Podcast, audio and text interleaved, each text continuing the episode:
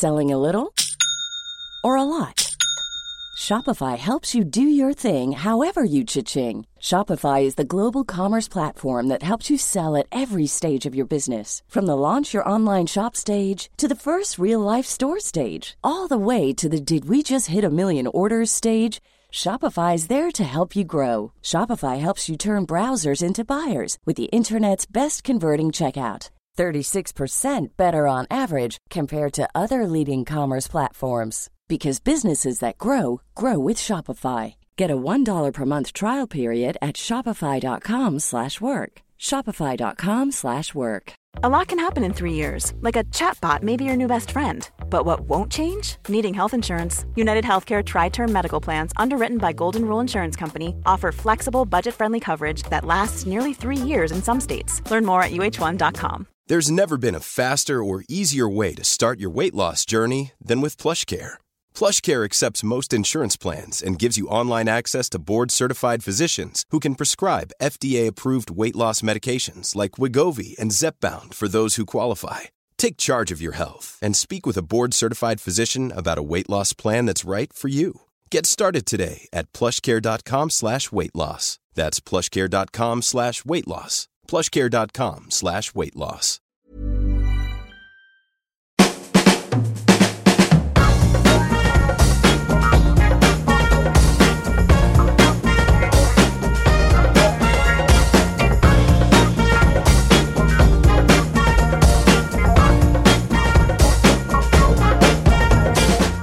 Välkomna till Health for Wealth, avsnitt 8. Jag heter Boel Stier, förläggare, kommunikatör och utbildare i presentationsteknik. Jag heter Ann-Sofie Forsmark. Jag är hälsostrateg, civilekonom och hälsocoach. Vårt motto i den här podden, eh, eller vår tes om man så vill, är att hälsosatsningar på jobbet är lönsamma om de görs strategiskt och hållbart. Därför gillar vi också hur vår partner Skandia satsar på hälsa. Ja, och det har ju visat sig lönsamt för deras kunder och för dem såklart. Eh, Win-win helt enkelt. Och sjuktalen hos deras kundföretag har sänkts från 4,8 till 2 procent på de tio år som de har gjort den här stora hälsosatsningen. Precis, och eftersom de vet, och vi alla vet, att det är mest effektivt och mest lönsamt, både mätt i pengar och hälsa, att hantera problem förebyggande, så gör de just det och kallar det för hälsokedjan. Just det, och alla företag som har en tjänstepension med sjukförsäkring hos Skandia i form av en kostnadsfri hälsoförsäkring kan ha tillgång till den. Mm.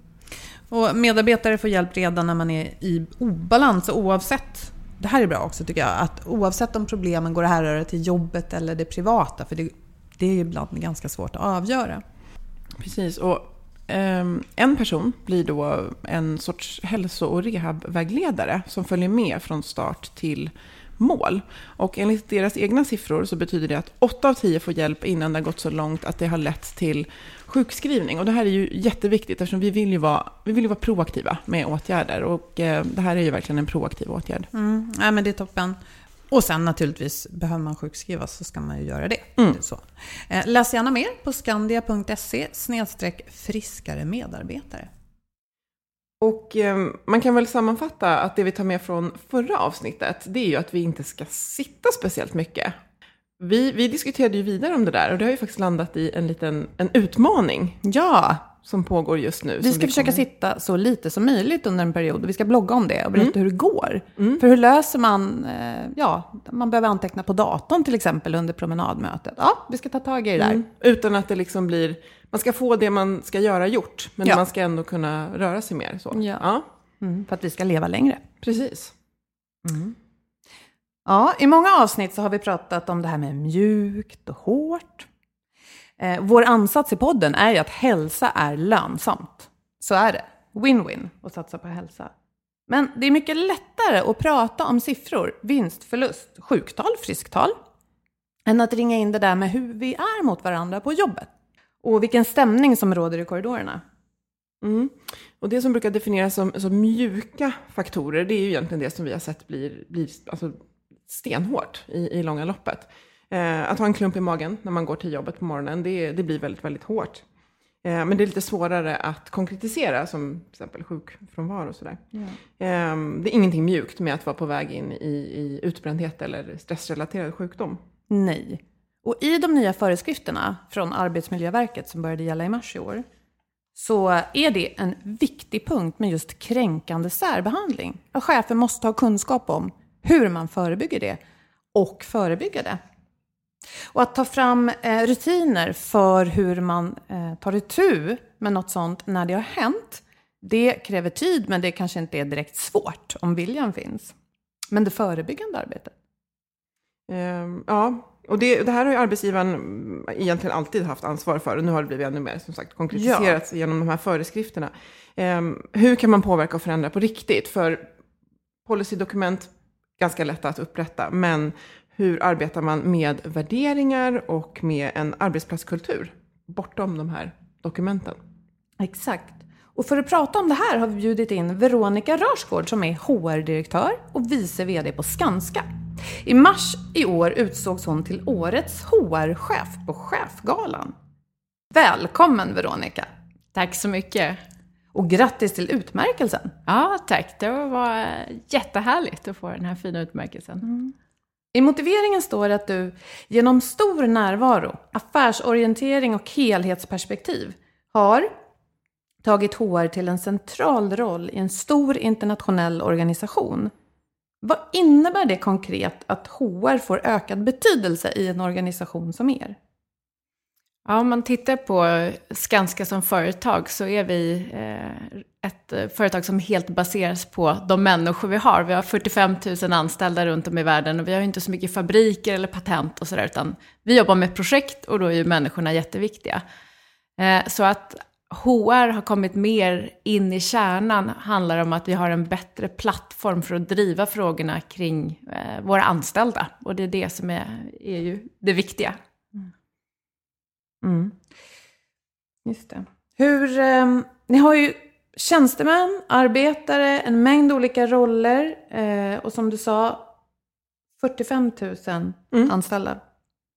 Hur lyckas man leda andra ledare i en så varierad och omfattande stor miljö?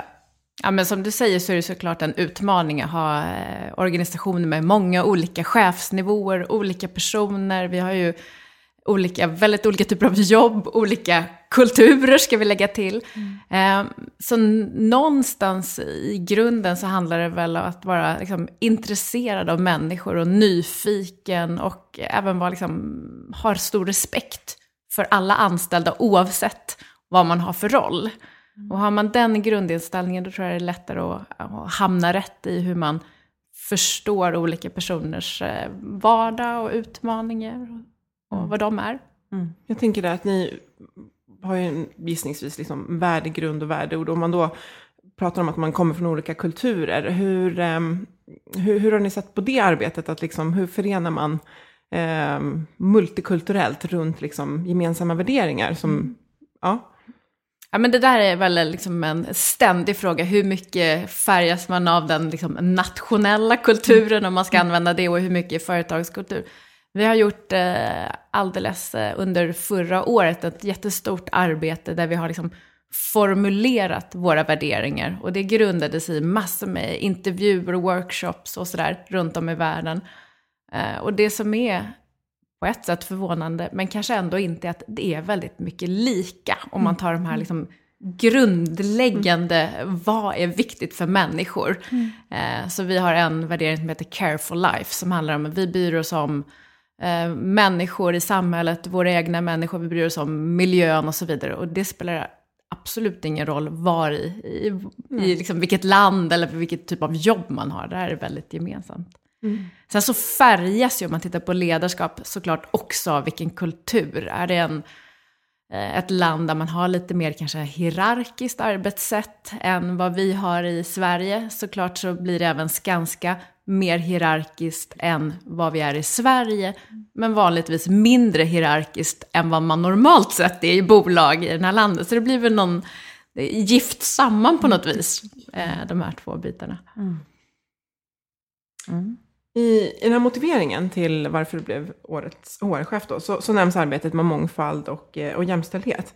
Eh, men sen så ville du lägga till ordet inkludering. Och jag, när jag hör det ordet, tänker på ordet delaktighet som man ofta pratar om som en, en nyckelfaktor för, för hälsa på arbetsplatsen, att man är delaktig. Men eh, vad betyder det här ordet för dig? Mm.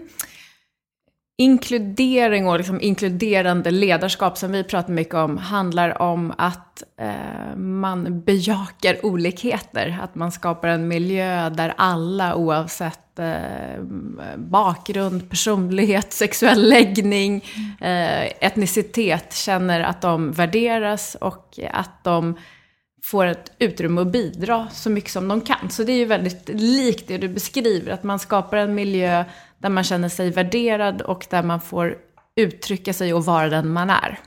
Det är väl det är kortfattat. Mm.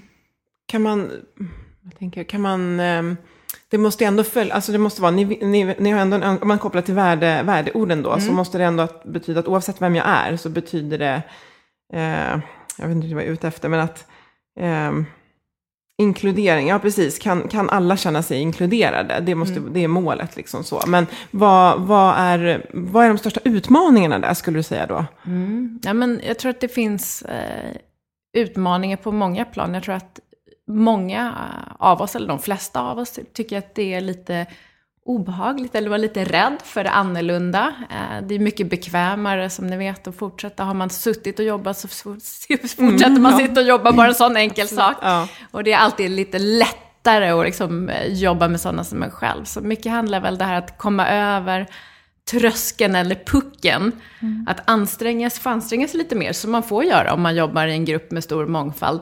Men sen kommer man liksom in i nästa nivå där man ser hur mycket eh, mervärden det finns, vad mycket mer idéer, hur mycket mer dynamiskt det blir. Men det handlar om att liksom ta det här klivet och våga, mm. våga prova någonting nytt som mm. det är för många. Mm. mm.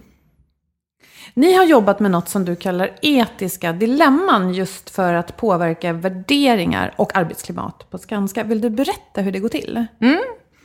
Eh, vi har sett att i vår organisation så är folk inte så förtjusta att läsa do långa dokument och sådär. Det går inte riktigt hem och vi har dessutom otroligt många manualer och policies så det är lätt att de drunknar i, i mängden. Eh, och vi har sett att det är väldigt viktigt att ta, vare sig det är liksom värderingar eller säkerhet, från att det låter jättebra när man säger det till vad betyder det på riktigt i en verklig situation. Eh, så då jobbar vi med det vi kallar dilemman. Det kan vara dilemman kring säkerhet, kring eh, inkludering, eh, kring arbetsmiljö, många olika dilemman. Där vi oftast använder situationer som har hänt på Skanska. Där, och sen så skri, ibland så skriver vi en berättelse om att den personen, den här personens perspektiv med diskussionsfrågor. Vi använder väldigt mycket film, eh, för det blir väldigt starkt. Ibland med personen som har varit med om det allra starkast. Mm. Eh, ibland med eh, skådespelare. och hela tanken är att beskriva en situation som gör att personer känner att ah, men det här skulle faktiskt kunna hända här. Det känns inte som, ja men det är ju de där borta. Så att man får en, en känsla och en reaktion och sen så att man har några diskussionsfrågor att prata just om. Skulle det kunna hända här hos oss? Vad skulle vi göra i sådana fall? Vad kan det bero på? Och det är väldigt, har fungerat väldigt bra för oss att förändra beteenden. Mm. Och för då tänker jag att det, det, blir, det, blir ganska, det kan bli ganska starkt. Ja. Jag tänker att det mynnar ut i liksom ett, ett konsensus där och då mm. runt, runt det här. Leder det då till att det på något sätt formaliseras i någon, i någon policy? Utan litar man då på att det här beteendet liksom förankras Ehm, i medarbetarna? Hur jobbar ni för att liksom... Mm. Vi börjar i policyändan, så att vi har väldigt liksom, tydliga, både vad förväntas eh, när man jobbar på Skanska? Så det finns ett ganska tydligt, liksom, både värderingsbeskrivning, vi eh, utvärderar våra chefer, inte på bara vad de gör, utan hur de gör och så vidare. Så det finns ett ganska tydlig liksom, struktur och process. Men det här är ett sätt att mer liksom levandegöra det mm. i kulturen, så att det verkligen, verkligen mm. blir en del av hur man är. Mm. Eh, och just det här att vi har så många olika typer av medarbetare, att det är väldigt svårt att med ett dokument fånga upp både någonting som känns eh, liksom, aktuellt för en snickare och någon som jobbar på vår interna bank. Så att då, om man kan göra mm. dilemman som är mycket närmare kopplat till situationer man är i vardagen, så tror jag att det liksom går in mer och man ändrar sitt beteende mer. Mm. Jag skulle vilja veta lite mer om hur, alltså uppmanas alla som jobbar på Skanska att skicka in sådana här dilemmascenarier eller? Mm. Just nu är det liksom lite nästa nivå här. Nu har vi, vi håller på att jobba fram en liten eh, app som vi kallar Living Our Values Tool. Så just nu gör vi mm. precis det som säger. Vi ber om dilemman där det är svårt att leva upp till våra värderingar eller där två värderingar kan liksom stå lite i strid med varandra. Eller det blir lite svårt, mm. man slits mellan. Så just nu så har vi liksom ber vi folk skicka in och så, så spelar vi in små filmsnuttar antingen med personerna eller med skådisar mm. eh, för att dela. Och sen så bygger vi en plattform där folk kan lägga till sina egna dilemman lokalt också. Ah. Och hur, hur presenteras de här? Jag menar hur stora är grupperna och ja, hur mm. går det till? Det kan vara allt ifrån att vi, eh, innan vi började vårt samtal här i morse, tog en kopp kaffe och eh, var fyra, fem stycken och drog det här. Eh, vi drar det på våra koncernledningsmöten. Till att jag stod i en scen i, i Storbritannien häromdagen och lät 500 personer prata med sina bordsgrannar kring den här filmen och ett case. Så det är ganska fint att det går att göra i lite olika sammanhang. Det tar inte så lång tid. Man kan ta det på en utbildning, en möte. Man kan absolut ta en promenad och prata om ett dilemma, på mm. tal om er, er mm. nya tankar. Okej, okay, ja, men det, så det, det, man uppmanas helt enkelt som chef då att plocka fram med dilemman flera mm. gånger. Mm. Så, så jag gillar ju det här med dilemma därför att som du säger, det är, det är då det blir svårt. Du måste välja ett av två alternativ. Mm. Det går inte att säga att allt är lika bra. Så det är ju superskarpt. Men jag tänker, um, ni har värderingar. Vissa saker är okej och andra inte. Absolut. Er. Samtidigt så gissar jag att ni vill att det ska kännas som högt i tak. Så att man vågar lyfta fram sånt som är besvärligt. Mm. Hur, hur får man ihop det här? Mm. Ja, men det är ju, om man tar arbetsmiljö och säkerhet till exempel, mm. så är det du säger är ju jätteviktigt. Vi har ju givetvis otroligt tydligt vad är liksom acceptabelt, hur gör man om man är på ett Skanska-projekt, hur klär man sig och, och så vidare. Samtidigt, om vi ska ha en kultur där man lär sig och där vi utvecklas så måste ju personer våga prata om när saker inte fungerar. Mm. Och det visar all forskning att man måste vara verkligt noga med att be folk, till exempel vad det gäller olyckor, rapportera inte bara olyckor som händer, utan situationer där olyckor skulle kunna mm. ha hänt. Tillbuds. Och då, hur får man det? Ja, det är ju extremt viktigt hur chefen reagerar. Man får ju absolut inte då liksom eh, skälla eller bemöta en person negativt, utan snarare vara tack, liksom, tack, då kan vi lära oss någonting av det här, så att verkligen uppmuntra, vi mäter och gör små kort där man kan skriva in liksom vad man har sett och sådär, för att försöka uppmuntra den. För att givetvis i den bästa av världar så händer ingenting, men så länge man inte är där och har nått det målet, så måste man lära sig av det, och då måste personen våga prata om saker, rapportera saker som inte fungerar. Men det är ju inte lätt, men viktigt. Ja. Nej, för jag tänker, och, och, om man pratar tillbud, fysiska saker, säkerhet, så kan jag tänka mig att den som anmäler då är medveten om att någonting var felaktigt. Mm. Och man ska ändå våga ja. rapportera det. Jag tänker på värderingar, alltså hur mm. vi ser på varandra, mm. hierarki som du nämnde män, kvinnor, ålder, mm. vad vet jag. Mm. Där kan det vara så att mina egna värderingar egentligen står i strid med Skanskas, men jag vill ju fortsätta jobba här. Mm. Alltså, hur lätt är det där? Att möta varandra i mm. samtalen och ändå säga gränsen är där. Mm. Det är ju som alltid i livet, det finns ju liksom, det finns de här enkla svart och vita. Och det finns ju vissa saker som är tydliga regler. Man diskriminerar inte personer, man beter sig respektfullt och som är ganska tydliga. Eh, men som alltid finns det ju massor med, liksom, eh, man kan se saker på olika sätt. Och därför tror jag också att ha dilemmadiskussioner, jag tycker att en stor del av poängen är att säga att det är inte så himla lätt. För mm. livet är inte så himla lätt. Så man måste diskutera, jaha, kan man se det på det här sättet? Och i själva diskussionen så utvecklas man, även om man kanske inte kunde enas mm. kring ett svar eller att det var sådär solklart tydligt att man skulle gå höger eller vänster. Så bara att man för upp frågan och diskuterar gör att man lär sig och man tänker, jaha, kunde det uppfattas så här? Eller om man gör så här, då kan personen kanske få en klump i magen eller känna sig inte delaktiga och så vidare. Så det, det väcker eh, kunskap. Sen så, alltid såklart som chef, kommer diskussionen in på ett område som är att man liksom vill bejaka saker som är oacceptabla, då måste man ju också säga att okej, okay, eh, du tycker det här, men i Skanska så gör vi så här. Mm. Så det finns ju sådana situationer också. Mm. Hur rustar ni era chefer? För du, du sa lite att de utvärderas också på hur de leder, vilket mm. jag tycker låter jätteintressant. Mm. Hur, ja, hur rustar ni chefer och hur, hur funkar den här utvärderingen på huret? Mm. Om vi börjar med eh, rustningen, mm. så tror jag, eh, eller att eh, se till att chefer har rätt eh, förutsättningar för att kunna göra ett bra jobb. Det är ju det vi vill ju, att personer ska kunna göra ett bra jobb. Det, någonting handlar ju om att vara tydlig med förväntningarna. Och det vi har gjort hos oss är att vi har tagit fram en, en kompetensprofil och som baserar sig på våra värderingar. Den beskriver vilka liksom, beteenden och kompetenser som man förväntas ha på Skanska. Och det gäller inte bara de som har personalansvar, utan personer generellt. Och där får man utvärdera sig själv enligt dem och en chef utvärderar det enligt dem. Och så har man det med i diskussionen, mm. samtidigt som man diskuterar finansiella mål eller teknisk kompetens eller vad det nu kan vara. Så att förväntningarna måste ju vara tydliga, för annars mm. är det svårt.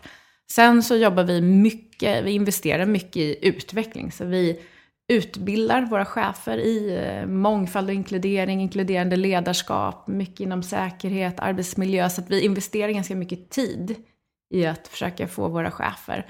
Eh, jobbar med att eh, samla in feedback eh, runt cheferna, 360 graders eh, feedback, så personer runt omkring. Eh, vi har psykologiska bedömningar för vissa liksom, högre chefsroller för att kunna bedöma mm. även sådana här saker. Um, så att vi försöker hjälpa våra chefer, vara tydliga, mm. hjälpa och sen så ge mycket feedback. Mm. mm. mm. Och den här um, utvärderingen på hur de leder, mm. hur, kan du ge något exempel där, hur det, hur det sker? Eh, man tittar då på en eh, kompetens som kan vara att eh, leda ett team med mångfald. Och så mm. står det en liten beskrivning. Vad innebär det då? Vad är förväntan? Att om du är på en viss chefsnivå, men du ska kunna liksom, aktivt se till att fånga upp och hantera situationer där någon inte är inkluderad. Så står det en liten beskrivning och sen så bedömer man sig själv enligt en skala hur väl man uppfyller det. Och så gör också chefen det. Och i de här två bedömningarna mm. visar man för varandra och sen så har man en, eh, dem med i, i utvecklingssamtalet. Mm. Då kan man ju prata om att konkretisera mjuka saker. Ja. Så, mm. för, det, för det är ju, mm. eh, hur, hur, mäter man det exakt? Men då, då konkretiserar man ju det väldigt bra mm. i och med att man, man ska uppskatta sig själv och sen är det någon annan som bedömer. Mm. Ja, intressant. Mm. Jag intressant. gillar egentligen inte det här med mjuka och hårda. Nej, nej, nej Om jag ska säga, för mjuka ja. oftast, det låter som det är mindre viktigt. Precis, precis. Eh, och, ja. Vilket jag naturligtvis inte tycker, men bara det så gör att jag inte gillar det finns olika perspektiv. Det finns finansiella perspektiv och det finns ledarskapsperspektiv på något vis så, mm. när man börjar dela upp dem, och sen så som du säger att de får ju oftast liksom finansiella konsekvenser oh, ja. på kort eller lång sikt. Ja. Så att vid slutändan så, så blir effekten densamma. Ja, vi håller ju helt med dig. Vi, mm. vi får hitta på nya begrepp. För ja. vi menar ju, precis, vi pratar ju om det som är jättehårt, men som många eh, Ja, säger det, det mjukt och därmed inte lika viktigt. Precis. Men För att det handlar om sånt som skiljer sig mellan oss. Ja. Ja. Och det är svårmätt. Svårare. Mm. Det är det som är. Mm. Så det är snarare svårmätt. Ja, det är kvalitativt snarare än kvantitativt. Ja, det, det låter lite mer... Ja, bra bedömning. Kan man säga. Mm. mm. Mm. Och jag är jätteglad att du kom hit idag, Veronica, och pratade om eh, svårmätta saker som värderingar. Mm. Och hur man faktiskt kan prata och väga dem i till exempel dilemman, som är ett, ett skarpt läge där du har ett alternativ av två. Jag tror att det kan inspirera många. Mm, verkligen. Mm. Ja, tack för att vi kom hit. Tack.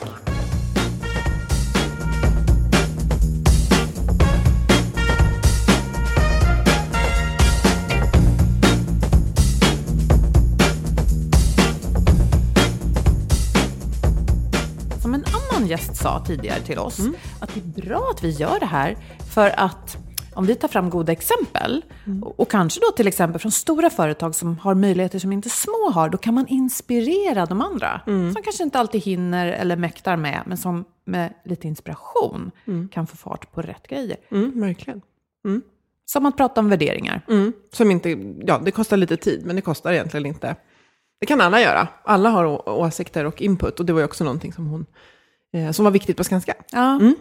Och så gillar jag det här att det blir skarpt, ett dilemma. Man, får, man måste välja. Mm.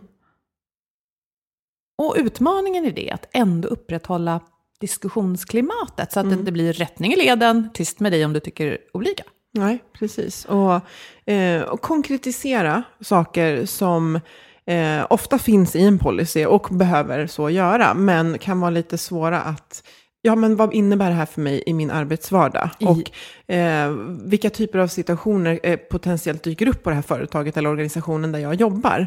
Eh, att lyfta fram sådana, för då kan det verkligen bli ett verktyg för medarbetare och ja, liksom chefer, ja, alla organisationer att använda. Och som hon sa, på riktigt. På riktigt. Det har hänt. Mm. Någon har iakttagit det här. Och sen så hade jag gärna velat fråga mer om just det här med att man utvärderar chefer på hur man leder. Ja. Och här hade de också ett bra verktyg för att göra det eh, konkret. Man gör någonting konkret. Hur, hur leder du med mångfald? Det kan låta ganska abstrakt, eh, men det är också ett sätt att eh, konkretisera på en liksom, skala som är i förhållande till deras värderingar och hur saker och ting ska göras och vad man har för mål. Mm. Ja, och så uppskattar jag att hon sa det här att hon inte gillar mjukt och hårt som, eh, som en uppdelning. Vi, jag ska i alla fall sluta prata om det. Ja, och vi vet ju, när vi pratar mjukt och hårt så menar ju inte vi oviktigt och viktigt. Men vi Nej. förstår att det kan ju faktiskt uppfattas så. Det låter lite som, eh, ja, mjukt och hårt. Men vi menar ju, vi pratar ju mycket mjukt här. Fast vi menar att det är stenhårt. Ja, så vi det får är hitta två nya ord. Ja. Det är bara en större utmaning att mäta det. ja, som sagt kvalitativa eh, faktorer snarare än kvantitativa. Ja, för det är de som påverkar, ja, bland annat, men de är väldigt viktiga för hur vi mår.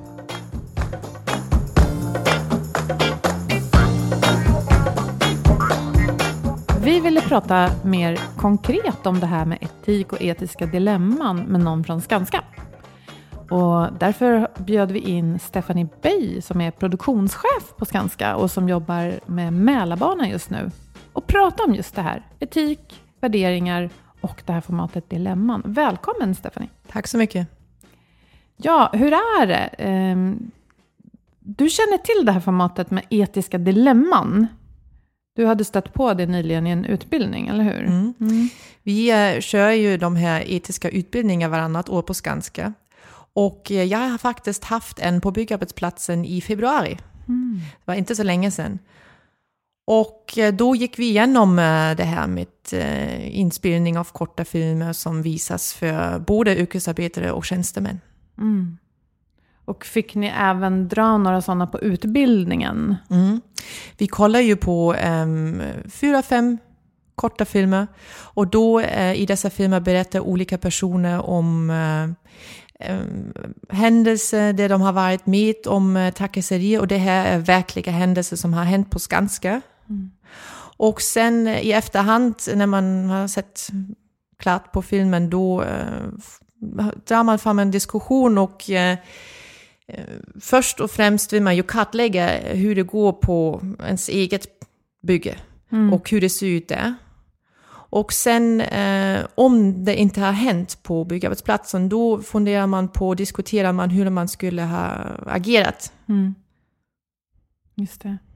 När ni diskuterade på den här utbildningen, tyckte du att ni brukade enas? Eller slutade det med att ni var oeniga ibland? Det beror lite på vad det är för typ av trakasseri. Det finns ju olika former och, vad det är för ämne. Så det, det är väl både och. Och det är väl också bra därför då får man också fram en, en riktig diskussion. Vad är, vad är lämplig, vad är inte lämplig, vad är rätt, vad är fel? Och eh, då kan man också känna, känna lite av tem, temperaturen på byggarbetsplatsen. Så jag tycker det är bra om folk är öppen och säger ärligt vad de tycker. Har du använt det här formatet att visa film på, på din arbetsplats där du är chef? Um, jag har varit med om det, men det är faktiskt min chef som har hållit i uh, själva filmen. Så jag har varit en deltagare och har lyssnat och diskuterat med alla. Okay. Vad handlade det om den gången? Den gången, de filmer vi tittade på. Mm. Mm. Um, det var ju en uh, trakasseri var med eh, en homosexuell yrkesarbetare Mm. som har blivit konfronterad med eh, ja, kallat olämpliga, kallats olämpliga saker på, på byggarbetsplatsen och haft, haft det rätt så tufft. Eh, och han ville också um, komma ut eh, i början och Sara mm. berättade det här för sin chef och hans chef han visste inte riktigt hur han skulle hantera det här därför att han ville ta med sin sambo på en fest. Mm eh, som, som de hade engagerat på byggarbetsplatsen. Och hans chef avrådade honom att mm. komma ur garderoben. Mm. Och då var det rätt så intressant att diskutera det. Det är ju, kan ju vara en rätt så tuff jargong på byggarbetsplatsen. Mm. Och um, då diskuterade vi det här och um, ja, det är inte ett enkelt ämne. Nej. Så, ja. Men när ni diskuterade det här caset, för då var det ju någonting som hade hänt tidigare någon annanstans. Ja. Hur var reaktionerna där och då? På just det, det stället där det hände? Eller Nej, på, jag tänkte på min... hos dig där hos du mig. fick se filmen och hur ni pratade om det. I början är det nog mest eh, tystnad. Mm. Alltså det är inte så lätt alltid att engagera folk. Nej. Um, men sen um, tyckte dock, jag dock ändå att det, det, kändes, det kändes bra och alla uh, reagerade på ett bra sätt. Jag var faktiskt förvånad också. Ibland kan man också lite, vara lite förvånad. Vi har också äldre generationer hos oss på byggarbetsplatsen mm. och hur de reagerade. Och uh, det blev en riktigt bra diskussion. Mm. Ja, bra. Och landade den diskussionen i att det finns en rätt väg eller flera? Oh, det var en svår fråga. um, jag vet inte riktigt om vi har hittat en rätt väg. Jag vet inte om vi har kommit så långt. Nej. Men vi har i alla fall haft en bra diskussion, det skulle jag nog säga. Mm. Sen vet jag att eh, du berättade för mig tidigare om en, ja, en etisk konflikt, kan man kalla det för det? Eller i alla fall en slags värderingskonflikt där du fick gripa in på din arbetsplats nyligen. Vill du berätta om det? Mm. Um, på Skanska är det ju så att vi har ju både svensk arbetskraft och utländsk arbetskraft. Och i det här fallet var det en konflikt eh, mellan en svensk yrkesarbetare och en utländsk entreprenör som vi har haft på plats. Mm. Och eh, egentligen var det en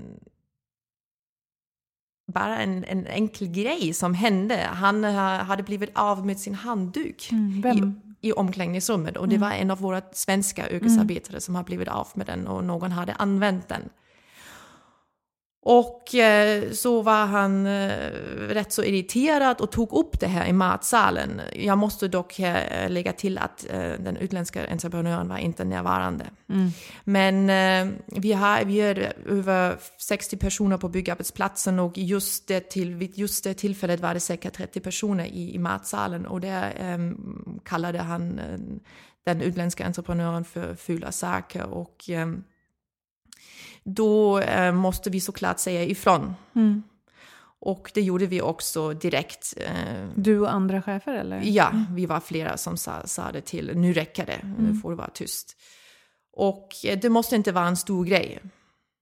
Eh, speciellt när det är en hetsat, upphetsad stämning, då måste man inte säga för mycket heller i just det momentet. Man kan avvakta lite och ge den personen möjlighet att lugna ner sig och det gjorde vi också. Mm. Och sen i eh, steg två i efterhand då tog vi honom åt sidan. Han hade lugnat ner sig lite och eh, pratade med honom om vad som hade hänt. Mm. Och ehm, sen måste man ju också göra någon form av orsaksanalys på det här. Varför kunde det bli så här? Och det visade ju sig sen senare att ehm, det har varit kaos i uh, omklädningsrummet i etableringen. Okej. Och eh, vi har inte varit tydligt när det gäller skåpsfördelning. Ah, okej. Så vi borde ha varit mycket tydliga med att markera vilka entreprenörer ska ha vilka skåp. Och eh, det handlar också om etik, inte bara hur man mm, agerar när det har hänt, utan hur kan man förebygga så att det inte händer. Och då är det väldigt viktigt att man är, är tydlig och man jobbar strukturerat. Så att folk eh, trivs. Så ni kunde sätta ner foten och säga att så här beter man sig inte, men fick också fånga upp en viktig signal så Exakt. att ni lärde er att göra ert jobb bättre. Och därför är det ju också bra om man pratar med den personen eh, sen enskilt så att man får fram det här. Vad är det egentligen som har skapat den här frustrationen? Mm. Och då fanns det ju en anledning. Just det, men vad bra. Ja, vad snällt av dig att du ville mm, berätta. Eh, Innan jag släpper dig, vad, vad tycker du är det viktigaste framgångsnyckeln just när man träder på så här ofta känslig mark och pratar om Mm. värderingar där de kanske ser lite olika ut hos var och en. Vad är det viktigaste att tänka på som chef? Jag tror det är viktigt att man eh, är lugn och ehm, att man ehm, ställer öppna frågor så att den personen har möjlighet att berätta. Och, och då kommer man oftast nog fram till en bra diskussion. Det är viktigt att man är lyhörd. Men man får också vara bestämd. Man får säga ifrån också. Mm. Både och. Det måste vara eh, en kombination av både och. Därför att man får inte, speciellt när det händer i en stor grupp, man får inte ehm, man må, får, får inte visa att det här är accepterat eller att det här är tolererat. Att vi har våra eh, grundvärderingar och att alla ska förhålla sig till dem. Så jag skulle, nu har det inte hänt än, men om det skulle hända ett dilemma där jag ser ehm, det här är inte eh, acceptabelt, då skulle jag skicka hem den personen. Men du skulle ändå i ett senare skede ställa frågor? Självklart. Ja. Självklart. Det beror helt på vad som händer, men ehm, det är viktigt att man eh, kommunicerar, att man pratar med varandra och jag tror man kan lösa mycket med det. Tack så mycket, Stephanie. Tack själv.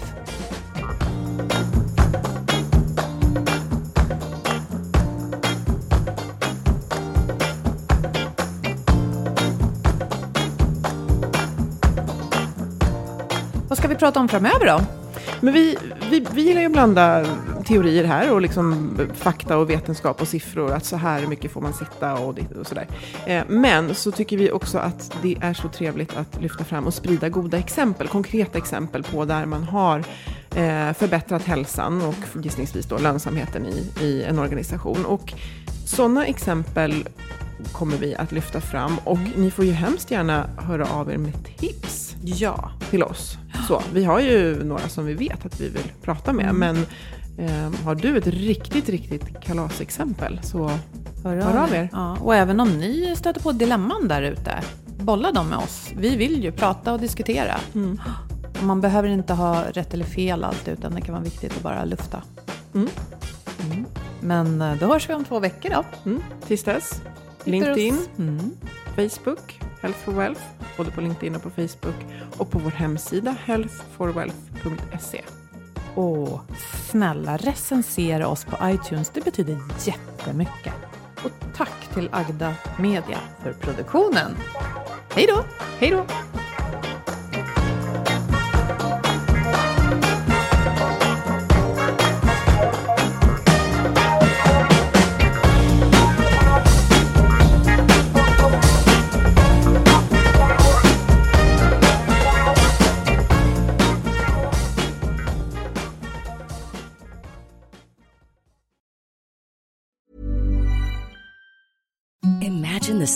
Softest sheets you've ever felt. Now imagine them getting even softer over time. That's what you'll feel with Bowl and Branch's organic cotton sheets. In a recent customer survey, 96% replied that Bowl and Branch sheets get softer with every wash. Start getting your best night's sleep in these sheets that get softer and softer for years to come. Try their sheets with a 30-night guarantee. Plus, get 15% off your first order at bowlandbranch.com. Code BUTTERY. Exclusions apply. See site for details.